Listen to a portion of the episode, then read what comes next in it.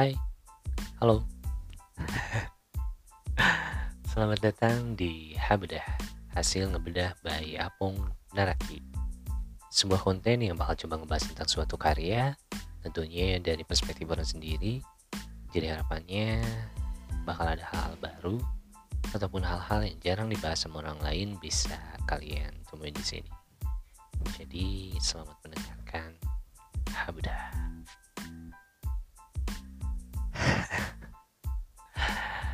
Aduh, udah lama banget nih uh, kita tidak ngobrol-ngobrol di Habdah terakhir. Kalau nggak salah sekitar bulan April kurang ngebahas soal reuni Z dan korelasinya sama penulis skenario film di Indonesia. Dan kali ini orang pengen ngebahas tentang Squid Game yang mungkin udah banyak banget dibahas sama siapa pun. Tapi uh, orang nggak bisa nggak bisa nyingkirin ini dari kepala orang.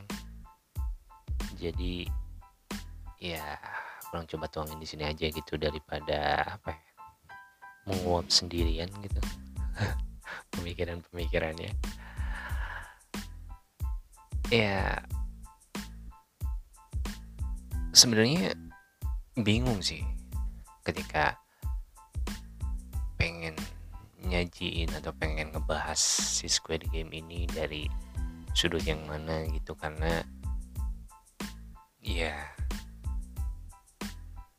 itu tadi balik lagi udah dibahas sama semua orang udah dibahas dari berbagai segmen. Jadi mungkin ya orang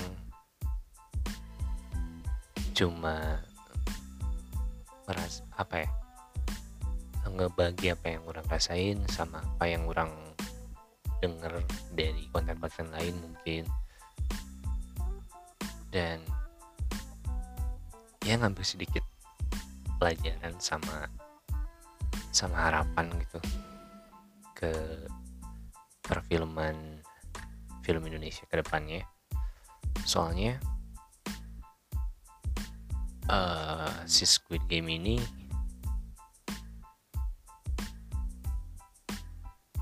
bisa dibilang overrated secara cerita. Karena bukan hal hal yang baru gitu. Tapi punya uh, impact yang luar biasa gitu. Mulai dari ya tentu aja uh, penikmat film pasti banyak memancing orang-orang yang baru baru nonton series atau misalnya baru download Netflix segala macam. Si Netflix sendiri bener-bener beruntung gitu. di saat uh, apa ya kondisi mereka sempat drop di bulan April sahamnya turun kalah sama si Disney dengan produk-produknya yang waktu itu lagi melejit kayak WandaVision, Loki, terus uh, What If segala macam si Squid Game ini malah jadi satu fenomena di seluruh dunia. Dan berhasil banget gitu jadi penyelamat Netflix. Bahkan nggak cuma Netflix. Ya banyak sektor-sektor lain. Mulai dari v, apa? Mulai dari perusahaan fashion kemudian uh, garment kemudian si uh, pastinya kultur Korea wisatawan Korea uh, si aktornya si uh, produser eh produser saudara dan penulisnya pasti bakal terpengaruh banget gitu. Uh, ya kalian juga tahu kalau misalnya si Squid Game ini uh, butuh waktu 10 tahun buat jadi fenomena fenomena ini. Dan ya nggak cuma sekali gitu ditolak mungkin udah ditawarin ke berbagai PH berbagai uh, streaming service. Cuman ya dianggap terlalu aneh dan gak masuk akal gitu katanya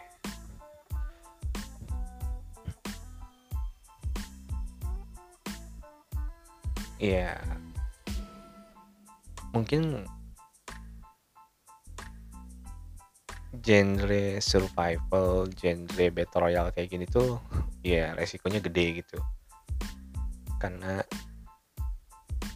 apa ya? Mungkin secara secara produksi kalau misalnya nggak digarap dengan baik itu ya kasarnya cuma cuma buang-buang duit doang gitu. Karena kan kalau secara konsep ya survival atau misalnya battle royale tuh ya last man standing gitu. Permainan atau skenario yang dibuat uh, yang dibuat untuk satu orang satu orang. Untuk beberapa orang hingga hingga eh, keadaan yang kritis membuat orang terakhir selamat gitu. Bingung kan? Jadi situasi ekstrim yang dibuat untuk banyak orang hingga satu orang terakhir yang selamat gitu. Itulah kurang lebih. Dan yang pakai formula ini banyak gitu. Maksudnya kayak kalau Hollywood tuh uh, mulai dari show walaupun bentuknya bukan tidak melulu uh, apa ya permainan kompetisi gitu karena ya itu tadi survival mode. Eh apa? Genrenya survival gitu. kalau misalnya secara spesifik battle royale ya berarti uh, ya ada permainan ada kompetisi. Kalau misalnya yang kayak battle royale gini uh, ada dead race ada uh, hunger games. Terus uh, yang manjat tembok tuh apa ya? Lupa uh, ya itulah. Pokoknya banyak. Dan ya ini juga si penulisnya bilang bahwa dia tuh ter terinspirasi dari uh, manga Jepang. Yang kemungkinan di tahun 2007 kurang juga nonton seriesnya. Kalau misalnya bener sumbernya sama si IP yang dimaksud gitu cerita yang dimaksud kayaknya ini adalah uh, terinspirasi dari layar game karena waktu itu uh, orang nonton di 2007 masih ongoing. Dan si penulisnya juga bilang bahwa dia terinspirasi itu. Kemudian baru nulis di tahun 2008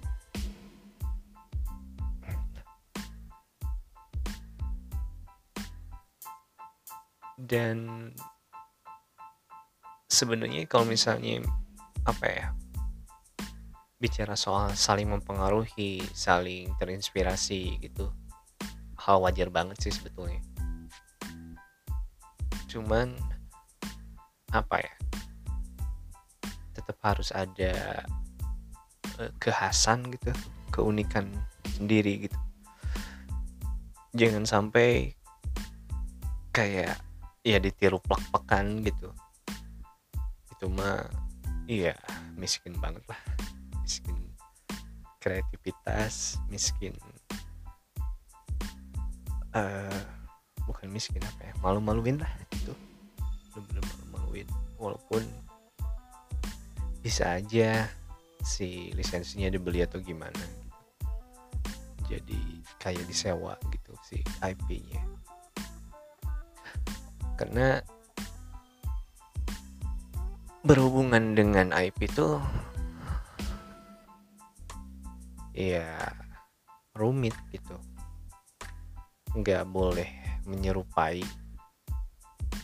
Tapi kalau misalnya menginspirasi itu jadi jadi hal yang wajar banget gitu. Karena ada yang bilang bahwa untuk sekarang tuh originalitas itu apa ya? Nggak ada. gitu. Sesuatu yang mustahil katanya. Jadi mungkin kalau misalnya orang boleh simpulin originalitas tuh sekarang lebih ke ke khas gitu. Semua orang misalnya bisa uh, masak sayur sop tapi tiap orang punya khasnya masing-masing gitu. Walaupun misalnya dengan resep yang sama tapi kalau misalnya kita udah tahu kita tuh ciri khasnya apa kelebihan kita di mana ya itu gitu yang yang jadi karya yang proper gitu. Nah si Squid Game ini ya bener-bener mempengaruhi banyak hal gitu mulai dari fashion, uh, bisnis, psikologi, uh, apa lagi ya? ya hampir seluruh aspek gitu buat si Netflixnya sendiri mungkin jadi penyelamat gitu ya di saat ya kalau nggak salah di bulan April tuh si Netflix tuh mengalami kerugian. Maksudnya sampai si sahamnya turun terus kalah sama komputer kompetitor lain. Uh, kayak ya yang pasti mah Disney Plus uh, Apple. Apple tuh apa ya lupa lagi nih ya uh, streaming service-nya. Terus HBO kan hampir berturut-turut gitu mereka bikin bikin gebrakan ya kayak HBO kemarin uh, si uh, apa Justice League versi Zack Snyder. Kemudian uh, Disney, Disney Plus uh, dengan What If WandaVision terus Loki dan segala macam uh, Apple tuh kemarin cukup berhasil sama seriesnya uh, Ted Lasso. Terus uh, apa lagi ya? Yang orang udah nonton uh, Amazing Story kalau nggak salah. Berhasil dapet banyak kritik uh, kritik positif sama penghargaan segala macam. Nah si Netflix ini uh, udah nggak terlalu ini sebenarnya nggak terlalu ngikutin trennya si Netflix gitu. Cuman si Squid Game ini tembus banyak rekor banget gitu. Uh, uh, mulai naikin saham Netflix sampai berapa persen itu? 10 persen kalau nggak salah terus ngasih keuntungan uh, eh, 12 triliun kalau nggak salah. Pokoknya per tanggal eh, per ya per tanggal 20-an Oktober tuh udah ditonton sama 150 jutaan penonton dan kalau misalnya diasumsikan itu 2 miliar menit. Gila. Ditonton. Ya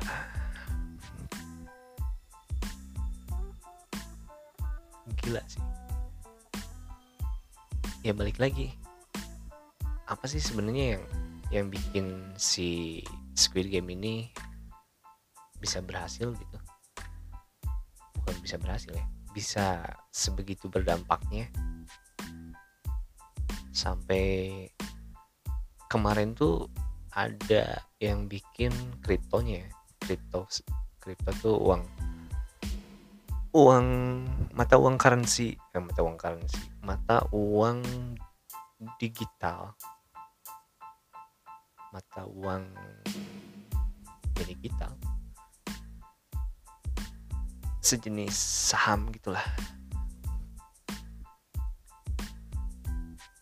Tapi beda sih.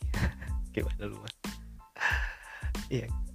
Jadi uh, itu juga sempat heboh. Dari awalnya pembukaan berapa per satu koin? 50 dolar 50 rupiah kalau nggak atau berapa lah. Pokoknya kecil banget gitu.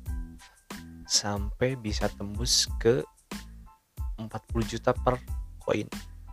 40 juta rupiah kalau orang nggak salah.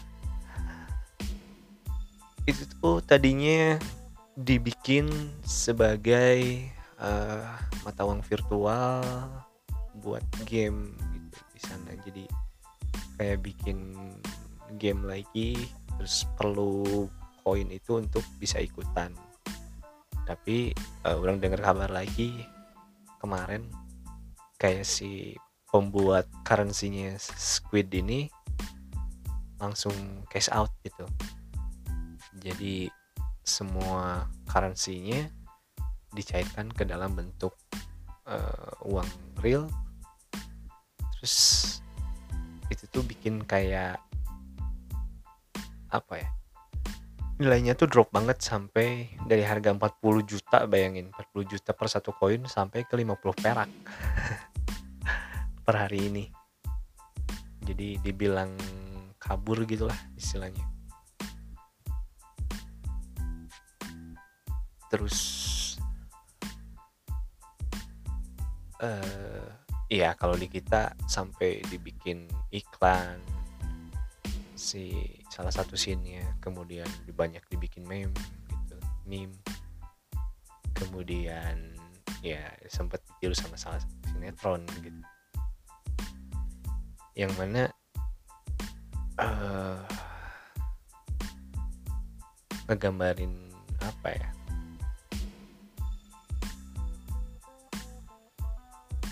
Kalau misalnya ditiru untuk kreativitas banyak sih sebenarnya yang mengapresiasi. Bahkan uh, orang pernah lihat di Nigeria kalau nggak salah itu bikin salah satu scene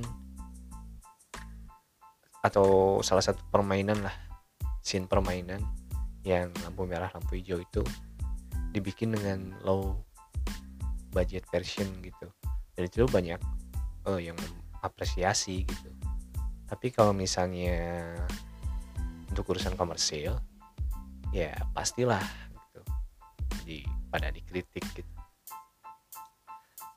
Nah balik lagi sebenarnya apa sih yang bikin uh, si Squid Game ini sangat berdampak?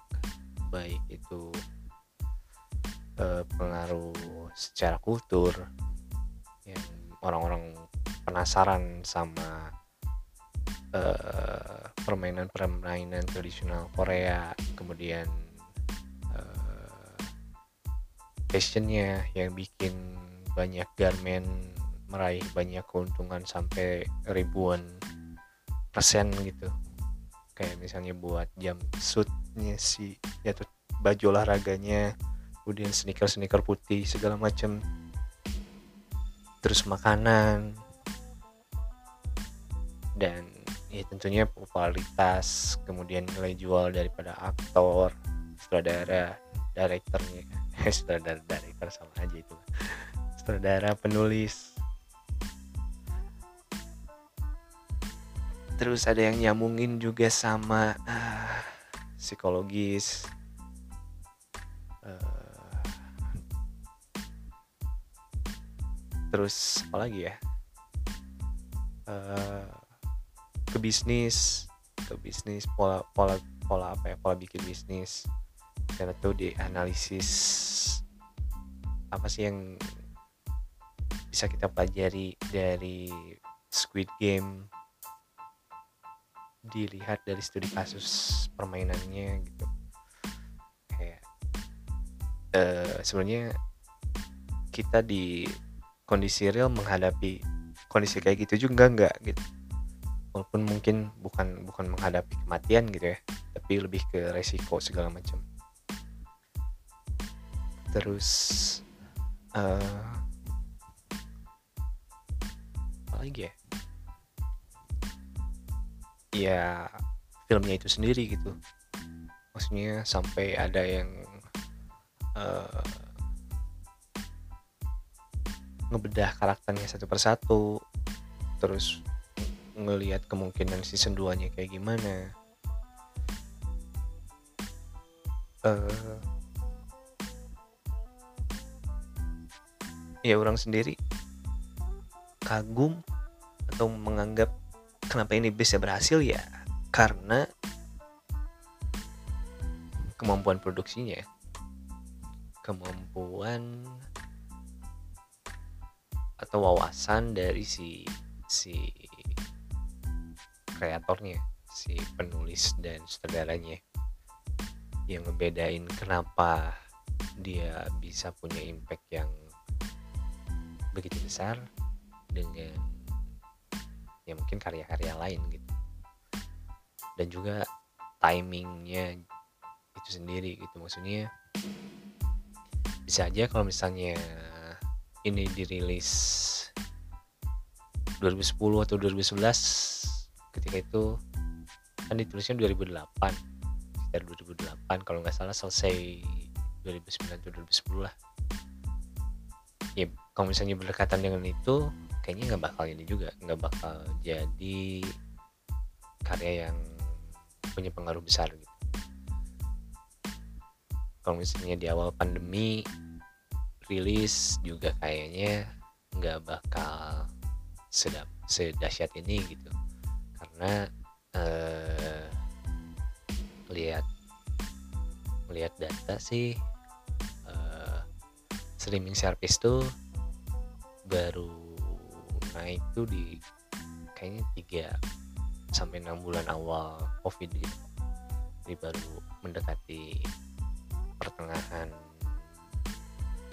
2020 sampai akhir 2020 gitu. Jadi kalau misalnya dirilis saat itu juga kayaknya nggak bakal sehype ini gitu. Terus uh, ngelihat background si kreatornya sendiri itu kan lulusan sekolah film ini ya berkemuka gitu orang lupa nama universitinya Duh. ini males buka buka data segala macam tapi ya kita ini aja lah sharing sambil sambil belajar gitu. Uh, nggak ada. Wang Wang Dong Hyuk. Dia tuh oh ini ada biografi. Uh, kosong coy. Di sini cuma ditulis uh, karya karya-karya sebelumnya kayak Silence, kemudian The Fortress yang mana kalau di IMDb ngelihat ratingnya juga lumayan sih. The Silence ini tahun 2011 ratingnya dapat 8 kemudian si The Fortress ini 2017 ratingnya 6,8 lumayan kayaknya sih. Biografi taruh orang cari dulu. Biografi.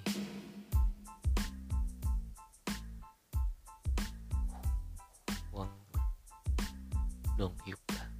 Kalau nggak salah sih ini tuh uh, lulusan dari university yang sama sutradara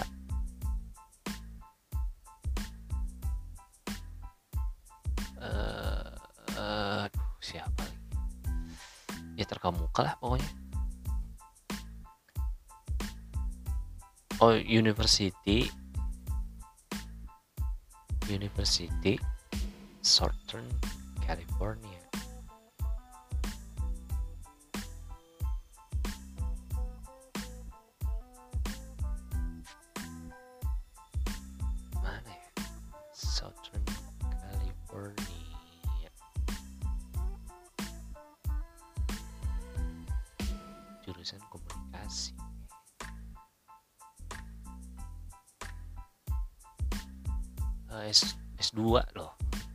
S1 nya di Seoul Nation University.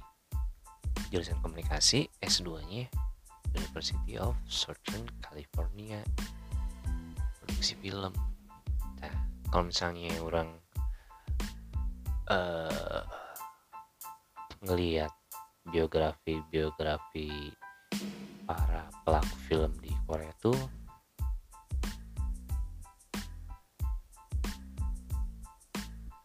rata-rata gitu punya punya background pendidikan yang keren-keren yang wah gitu.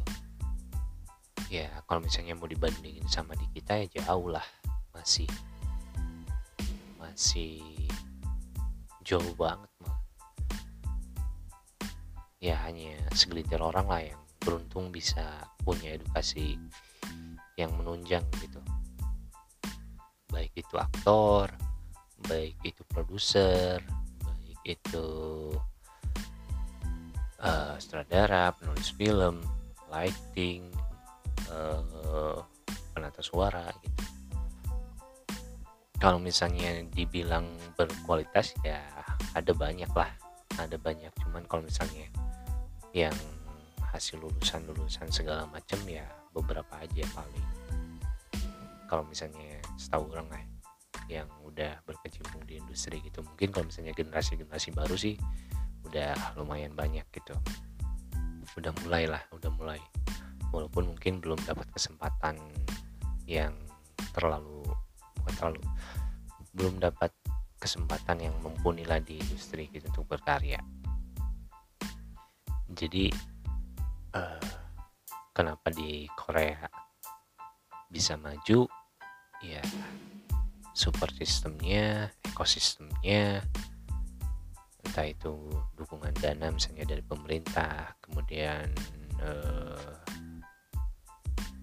apa ekosistem industrinya yang udah udah udah stabil investornya yang udah pada berani eh, ngeluarin dana pembuatan film lokal kemudian orang-orangnya apa udah atau udah percaya sama film buatan sendiri kemudian rajin udah udah udah apa udah jadi biasa gitu nonton di bioskop udah udah enggak nggak ada kesenjangan kayak di kita gitu beberapa daerah. Kayak misalnya tempat tinggal orang nggak ada bioskop dan harus ke kota dulu buat buat kalau misalnya pengen nonton bioskop. Dan di Indonesia tuh ya baru-baru berapa ya? 5000 layar atau berapa ribu layar gitu. Dengan kapasitas bukan kapasitas jumlah penduduk yang 200 juta tuh masih masih jauh gitu. Apalagi sentimen kepercayaan publik penonton Indonesia terhadap film Indonesia itu masih rendah gitu. nah balik lagi kenapa si Squid Game ini berhasil? Menurut orang uh, pertama faktor nostalgia ketika pandemi ini berlangsung sampai sekarang pun masih masih ini ya masih masih belum beras belum apa ya belum belum beres gitu belum berakhir setelah dua tahun ketika semua terasa monoton segala macam uh, kita tuh dibawa sama memori uh, masa kecil gitu. Permainan-permainan tradisional yang ngebuat kita ngerasa aman main di luar. Terus uh, ketarik sama memori tentang uh, teman-teman kita masih kecil. Uh, emosi kita pas lagi kecil gitu. uh, power of nostalgia itu kenceng. Dan itu bener-bener jadi salah satu hal yang banyak orang di dunia sekarang tuh merasa kehilangan menurut orang. Momen kebersamaan momen merasa hidup gitu bisa menikmati hidup. Ketika kita kecil kan main permainan tradisional ya kayak bener-bener ini gitu. Uh, nggak mikirin apa pun nggak nggak merasa khawatir tentang ABCD segala macam merasa aman. Ya dibanding dengan bahkan anak-anak yang apa ya lahir zaman sekarang sebelum covid gitu kan permainan mereka di gadget segala macam. Beda dengan kita yang uh, tumbuh dengan uh, interaksi sosial gitu. Yang terjadi secara langsung di lingkungan gitu nggak lewat virtual. Jadi ketika kita ditarik dengan memori itu ya otomatis bakal semua relate gitu. Entah mau negara mana permainannya kayak gimana. Tapi core-nya core-nya itu ya perasaan ini gitu. Kan so kalau soal ngerti atau enggak kan ini udah ditranslate ke 100 bahasa kalau nggak salah. Dan di dubbing 50-an 50-an bahasa kalau nggak salah orang lupa data ini berapa. Cuman perasaan nostalgia perasaan ya merasa hidup gitu ketika kita kecil. Yang benar-benar menikmati waktu bahagia. Yang kalau misalnya kata si Ilnam tuh dia tuh pengen bisa ngerasain hidup lagi gitu ketika udah sekian tahun ngerasa hampa terus ikut ikut permainan itu ketemu si pemeran utamanya temenan segala macem dia tuh baru ngerasa hidup lagi gitu. ya kita juga sama sebenarnya ketika pas nonton uh, si Squid Game ini makanya ya berhasil diterima sama banyak. Ini banyak negara banyak orang. Ya bayangin aja. Per tanggal 20 tuh kalau nggak salah 150 jutaan. Ya anggaplah nambah sekitar uh, sekarang udah lewat dua minggu anggaplah ada 10 juta lagi nonton atau misalnya kita buletin di 200 juta oh ngeri banget kan? Terus kalau misalnya diasumsikan kemen itu katanya udah ditonton selama kurang lebih hampir uh, 2 miliar menit. Si game ini diputar gitu. Jadi ya berhasil banget. Terus yang kedua kan tadi pertama faktor nostalgia dan nyentuh psikologis yang dibutuhin sama banyak orang. Saat ini terutama karena covid. Yang kedua itu adalah uh, produksinya uh, produksi value-nya. Jadi bukan bukan dari seberapa banyak uang yang dihabiskan untuk uh, membuat produksi series ini tapi lebih ke uh, apa ya nilai nilai effortnya nilai usahanya nilai persiapannya nilai eksekusinya. Itu gitu maksudnya nilai produksi itu kayak misalnya uh, udah ngelihat si para pekerja di speed game ini yang pakai simbol-simbol uh, bulat terus kotak dan segitiga itu dipikirin banget gitu. Kalau misalnya orang ngebaca kayak uh, yang bulat tuh kan kelas pekerja ya, ya maksudnya uh, uh, orang yang bagian megang senjata nembak-nembakin suruh gitu yang disuruh-suruh. Itu tuh kan kenapa pakai simbol bulat tuh uh, solid aja gitu. Uh, lingkaran kan ya solid. Nggak ada nggak ada garis yang mencar-mencar segala macam dan mereka tuh taat gitu nggak keluar aturan segala macam. Terus yang segitiga oh salah salah salah salah. Yang pekerja tuh yang nyiapin segala macem yang segitiga tuh yang yang bagian nembak nembakin prajuritnya. Ya tajam setiap setiap sudutnya tuh tajam gitu. Uh, mengarah ke tujuan dan ya nggak bulak belok gitu. Sementara si pemimpinnya kan kotak gitu kotak uh, ya presisi aja presisi.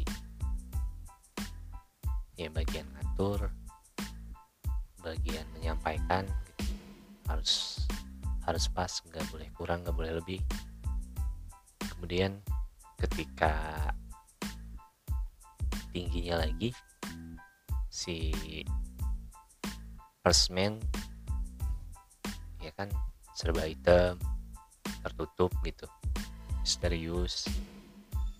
Kemudian uh,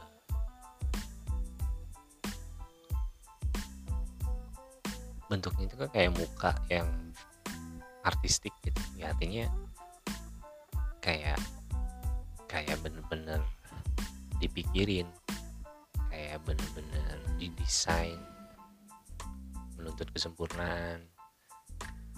Jadi ya dia otaknya emang gitu gitu. Nah kalau misalnya si host yang tamu-tamu VIP itu kan lambang-lambang binatang ya ya mungkin ngegambarin sifat binatangnya terus eh, topeng yang dipakai juga kan eh, apa ya banyak yang mengaitkan sama topeng yang suka dipakai sama keluarga Rothschild juga gitu. Jadi ini tuh bukan sembarangan ditulis gitu. Maksudnya kayak punya wawasan yang luas untuk nyeritain apa ya? Ini kan kapitalisme tentang keadaan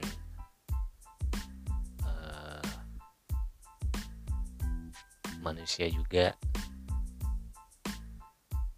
di sisi kritis sama di titik jenuh. Maksudnya di titik paling bawah sama di titik paling puncak. Ketika di puncak ngerasain udah nggak bisa naik lagi tapi turun juga ngapain gitu maksudnya. Kayak udah kehilangan arah. Si di titik yang paling bawah juga udah kehilangan arah nggak bisa naik gitu nggak mungkin turun. Dan karakter-karakternya tuh ya bagus gitu banyak yang bilang bahwa main villainnya di sini tuh si Oil Nam yang bikin permainan Squid Game pertama. Ya si kakek-kakek itu. Tapi orang uh, lebih ngelihat sebenarnya antagonis yang paling berperan tuh si temennya si ini temennya si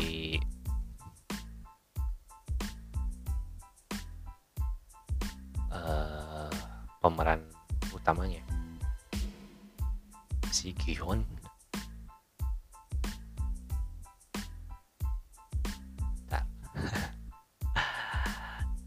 nah, biarin lah ya panjang segala macam.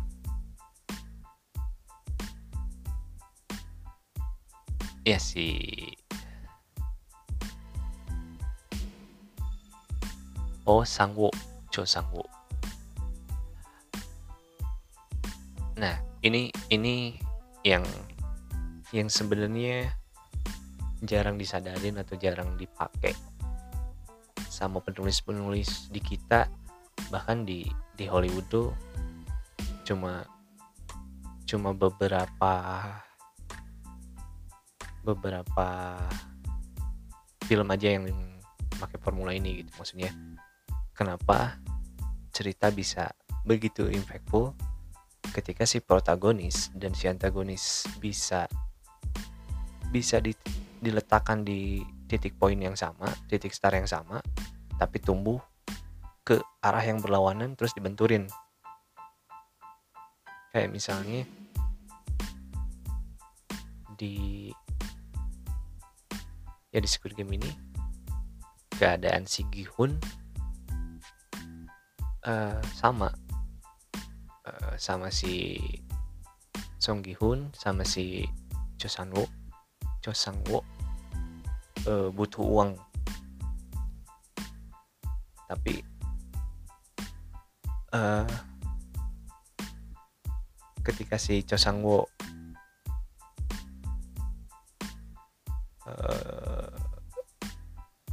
mulai atau tumbuh tumbuh ke arah ke arah yang positif jadi kebanggaan terus uh, berprestasi segala macam uh, karirnya berhasil.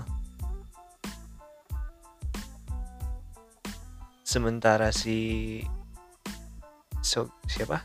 Si Gihun sebaliknya gitu.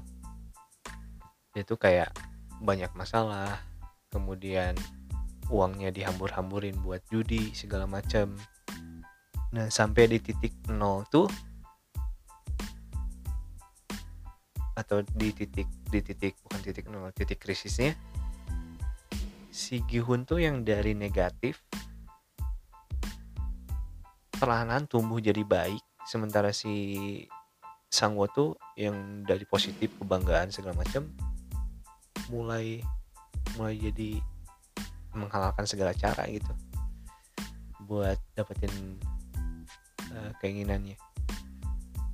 Jadi tujuannya sama pengen pengen sama-sama menang tapi hal itu uh, punya reaksi yang berbeda gitu buat karakter si Son Gi Hoon sama si Cho Sang nah yang paling jarang atau secara natural dipakai sama penulis-penulis skenario film atau cerita tuh tahu tahu fearnya apa si karakternya. Ketakutan terbesar dia tuh apa sih? Terus kelemahan dia dan bukan hanya tahu sih jadi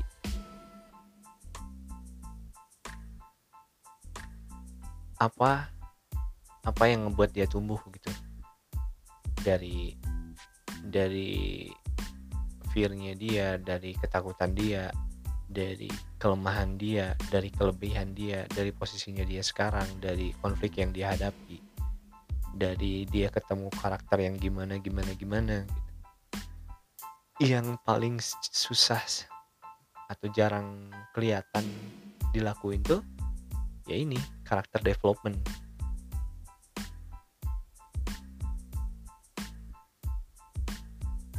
kayak misalnya si Sangwo ini karakter yang suka judi karakter yang gak peduli sama orang. Dalam tanda petik ya. Karakter naif yang dia tuh kalau misalnya pengen sesuatu dan dia rasa baik dia tuh nggak peduli efek sama orang lain gitu. Nggak terlalu banyak pertimbangan lah gitu. Sementara si Sangwo awalnya tuh selalu mempertimbangkan itu gitu. Jadi kalau misalnya mau nolong tuh efeknya bakal gimana gimana gimana.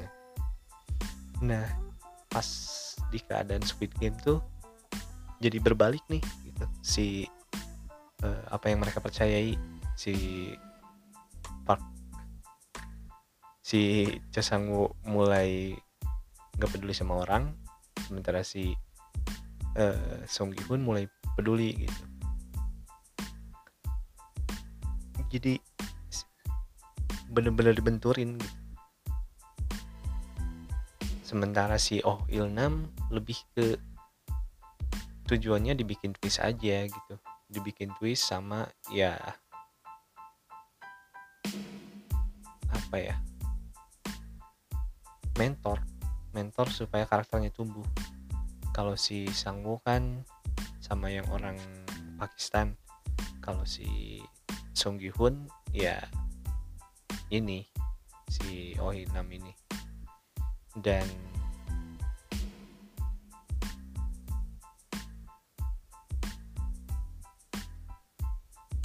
apalagi ya?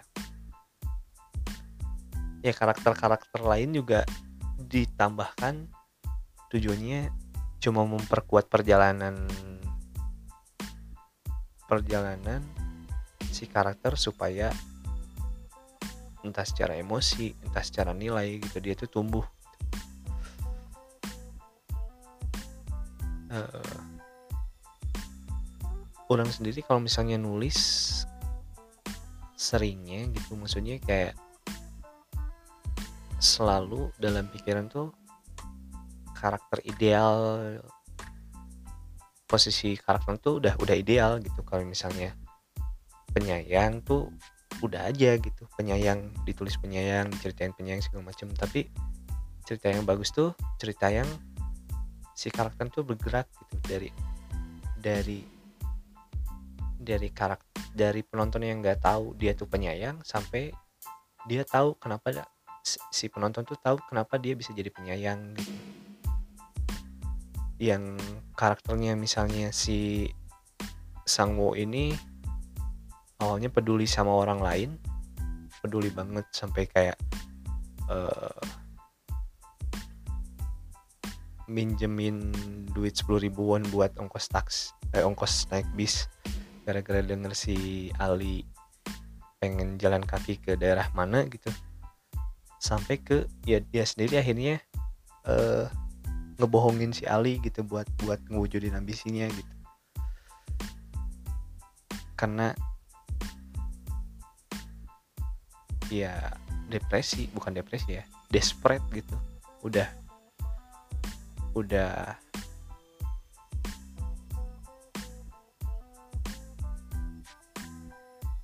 dia tuh udah bekerja keras banget segala macem. Tapi kayak udah mentok aja gitu dan ketika ngelihat harapan ini kalau menang bisa ngebayar semua kesalahannya ya udah gitu.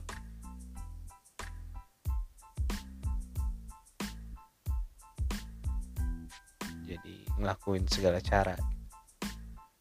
Dan ya itu nambah nambah nilai positif ke yang nonton nambah relate karena si karakternya tumbuh dan penonton dilibatkan gitu. Terus si kreatornya si penulis sama direkturnya ini selalu mempersiapkan segala sesuatunya dua tiga langkah ke belakang gitu. Kayak misalnya si Oh Ilnam ini nggak ujuk-ujuk uh, diliatin. Bahwa dia tuh yang ngebuat Squid Game segala macam gitu tapi informasi-informasinya itu udah di disebar nih sebagian di di dikasih uh, apa ya bocoran-bocoran gitulah. Itu banyak banget yang nge-review soal ini gitu. Tapi nggak semua ini juga nggak semua uh, kalau misalnya nonton langsung tuh nggak semua tapi ada yang ngeh juga. Terus nggak cuma soal si Oh Ilham aja gitu maksudnya. Kayak uh, pengulangan-pengulangan uh, angka 465 465 terus uh, apa apa ya kalau nggak salah kalau dalam bahasa Korea itu tuh apa ya artinya? 465 tuh pejuang atau apa gitu. Uh, atau gigih gitu ya. Nggak pernah berhenti berjuang orang lupa. 465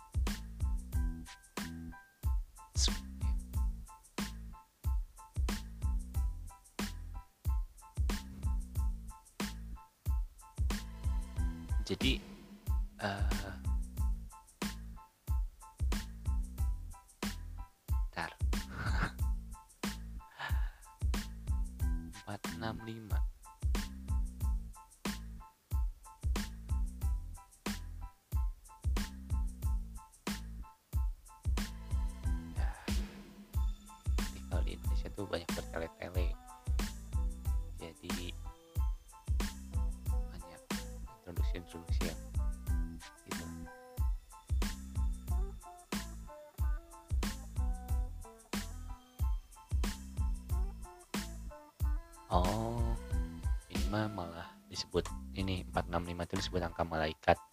Tapi orang lupa nonton di channel mana Eh, kalau all inam itu kan eh, artinya eh, the first man orang-orang pertama atau orang ya nomor satu gitu. Nah sementara 465 itu kalau nggak salah ya pejuang gitulah. Jadi eh, intinya si kreator ini si saudara penulis dari Squid Game ini si Hwang Dong Hyuk. Selalu mempersiapkan segala sesuatunya gitu. Jadi nggak tiba-tiba. Dan punya referensi yang luas. Mulai dari pemilihan musik terus penggunaan environment dan ya kayak misalnya suara angklung eh gamelan suara gamelan dipakai gitu sama sama sama orang luar gitu buat ngegambarin eh, efek misterius efek mencengangkan gitu. Kalau misalnya dia nggak berwawasan luas kayaknya nggak mungkin pakai gitu. Jadi kadang-kadang eh, karya itu semakin luas wawasan orang yang ngebuatnya semakin banyak simbol semakin banyak instrumen yang dipakai buat buat apa ya? Memperkaya atau memperdalam si karya itu gitu.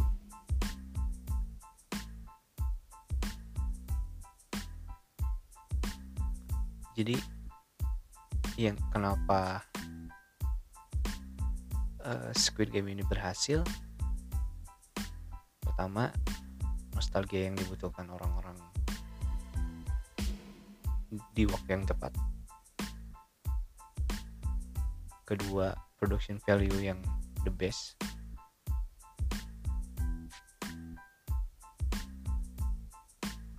Udah sih dua itu.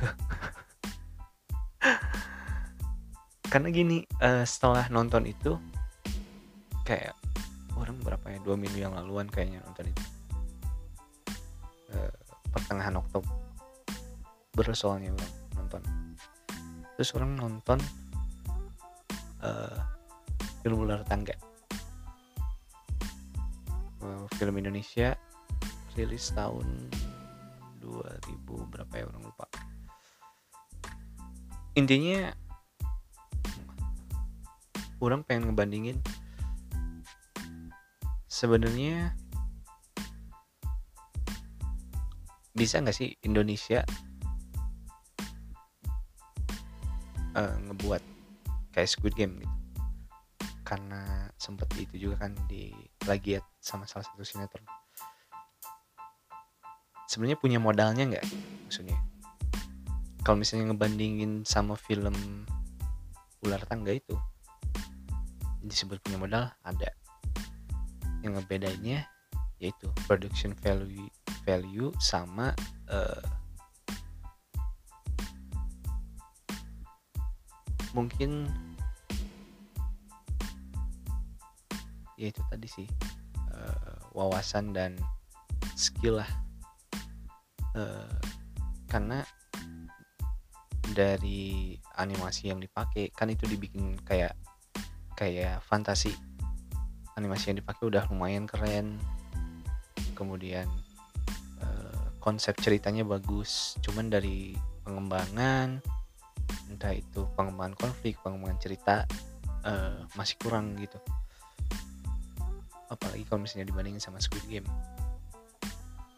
Jadi uh,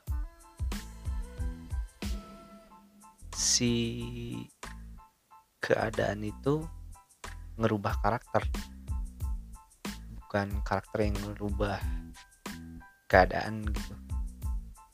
Jadi kasarnya kalau misalnya gini bedanya kalau misalnya karakter yang ngerubah keadaan jadi dia tuh udah sakti dari awal cuman lagi sial tiba-tiba tanpa trigger yang jelas dia tuh bisa berhasil gitu dari keadaan yang krisis gitu. Jadi uh, sebenarnya dia tuh dari awal juga bisa gitu kasarnya ngelewatin keadaan itu. Nggak perlu ketemu sama orang nggak perlu ngelewatin ini itu gitu jadi ujuk-ujuk lah. Jadi kasarnya uh, cuma di dragging aja gitu. Dari awal misalnya dia udah bisa menghilang terus tanpa alasan yang jelas dia tuh nggak menghilang dari awal gitu. Terus tiba-tiba karena penyelesaian masalahnya dia harus menghilang pas di akhir tiba-tiba menghilang aja gitu dia teh. Oh iya saya ingat saya bisa menghilang terus menghilang tamat ceritanya. Nah itu uh, karakter yang merubah keadaan. Kalau misalnya keadaan yang merubah karakter karakter tuh bisa aja strong dari awal terus tiba-tiba misalnya dia tuh sangat kuat kuli pasar segala macam terus tiba-tiba dia tuh jatuh gitu terus kehilangan uh, kekuatannya entah misalnya jadi cacat atau segala macam gitu. Terus dia nyari cara supaya survive gimana nih uh, tetap bisa kerja segala macam akhirnya dia uh, jadi pelukis misalnya buat survive dari keadaan gitu. Karena misalnya uh, dia nggak bisa pergi ke mana-mana selama tiga bulan terus ngegambar ngegambar gambar akhirnya uh, apa ya ada yang suka gitu. Atau misalnya uh, dia jadi ketemu sama seseorang gara-gara gambar itu terus akhirnya ngebuat dia keluar dari masalah misalnya bayar hutangnya gitu. Karena misalnya uh, dia tuh sebenarnya.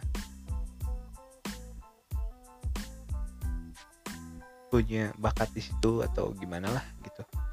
Jadi uh, keadaan yang maksa dia buat berubah gitu. Keadaan yang ngebuat dia ngambil jalur lain gitu. Nah si di Squid Game juga kan dia teh ngambil cara instan mulu ya si siapa uh, si si Gihun tuh judi segala macam gitu. Sampai ke cara eh, ekstrim gitu. Dan akhirnya dia jadi orang yang uh, kasarnya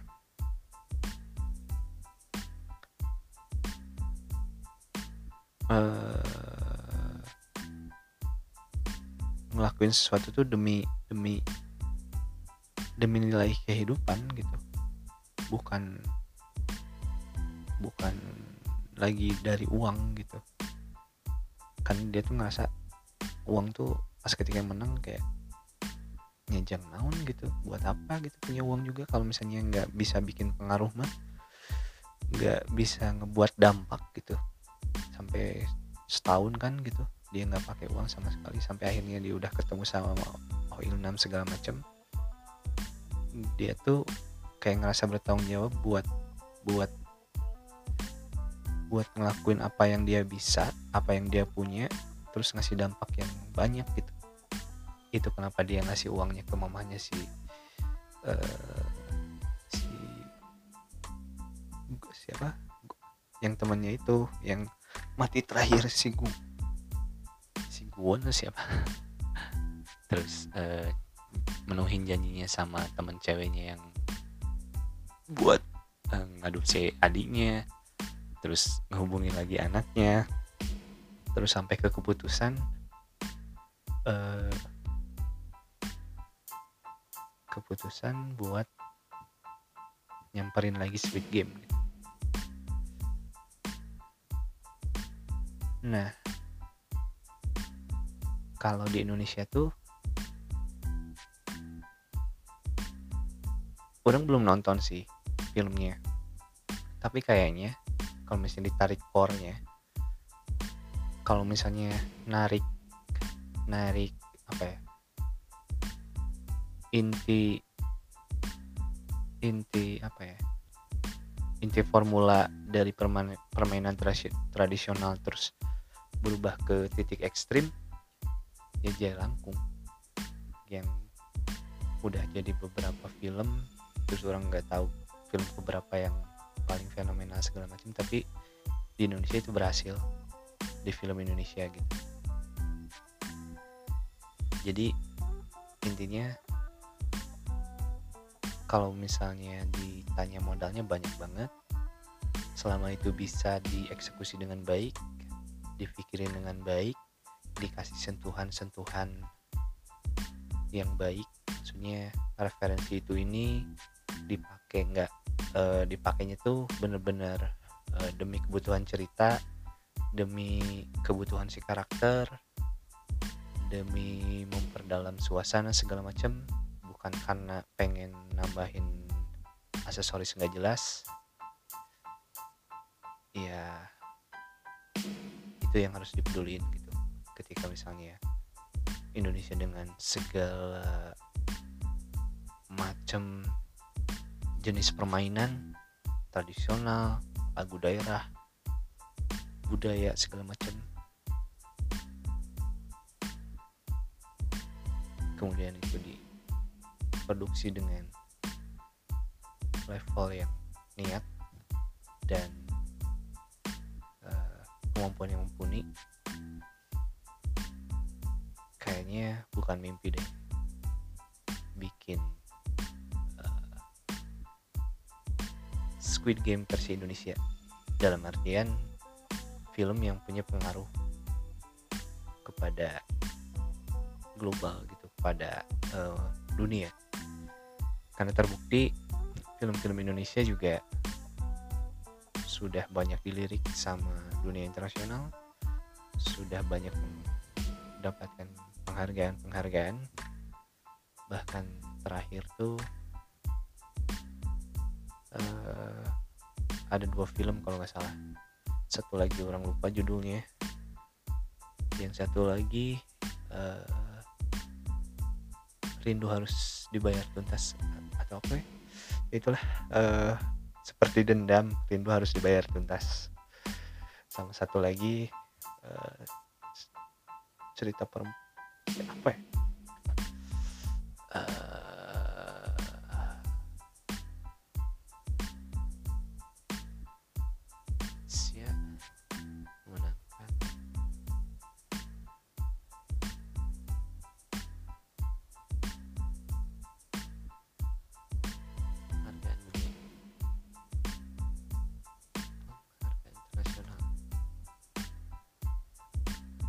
seperti dendam rindu harus dibayar. Satu satu lagi. Aduh, lupa. Baru kemarin sih. Ya pokoknya itulah. Uh, banyak pokoknya. Uh, apalagi yang kemarin-kemarin Gundala uh, kemudian lagi ya? Ya banyak lah pokoknya secara kualitas Indonesia udah sangat mampu untuk memproduksi film kelas internasional. Cuma tinggal tinggal lebih berani lagi tinggal lebih diperbanyak lagi gitu. Dan kalau misalnya boleh tolong kasih kepercayaan buat kami-kami yang receh ini. Orang-orang yang dari entah entah berantah. Dan dengan pengalaman yang mungkin masih uh, minim. Tapi kalau misalnya uh, kalian sekarang yang ada di industri dan punya kemampuan lebih punya support system segala macam kalau misalnya boleh nih kalau misalnya bisa ayo dong bikin semacam amazing story-nya Apple di mana orang-orang amatir dikasih kesempatan dan didampingi buat memproduksi film untuk ya apa pun itu. Kalau bikin story kan uh, buat Apple TV Apple TV Plus. Itu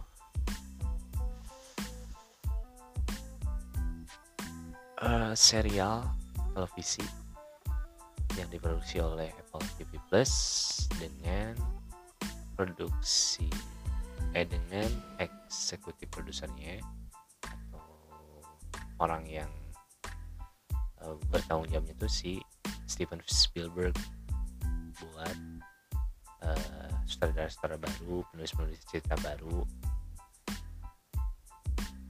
Dikasih uh, mentoring lah mentoring dan kesempatan buat memproduksi film dengan standar yang bagus gitu. Tapi didampingi gitu. Di Indonesia tuh kayaknya belum ada. Setahu orang yang mendekati metode ini tuh baru Hanung Bramantio dan jujur orang nggak tahu gimana.